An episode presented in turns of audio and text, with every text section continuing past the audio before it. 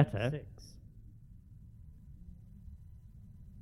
Hi, you're a new student, right?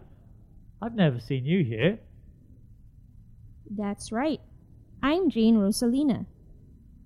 Nice to meet you, Jane. I'm Rian. By the way, why did you move to this school?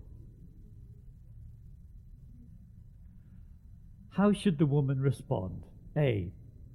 This is my dream school. B. I moved from SMAN 46. C. I am proud of my school. D. My school is a favorite. Number six.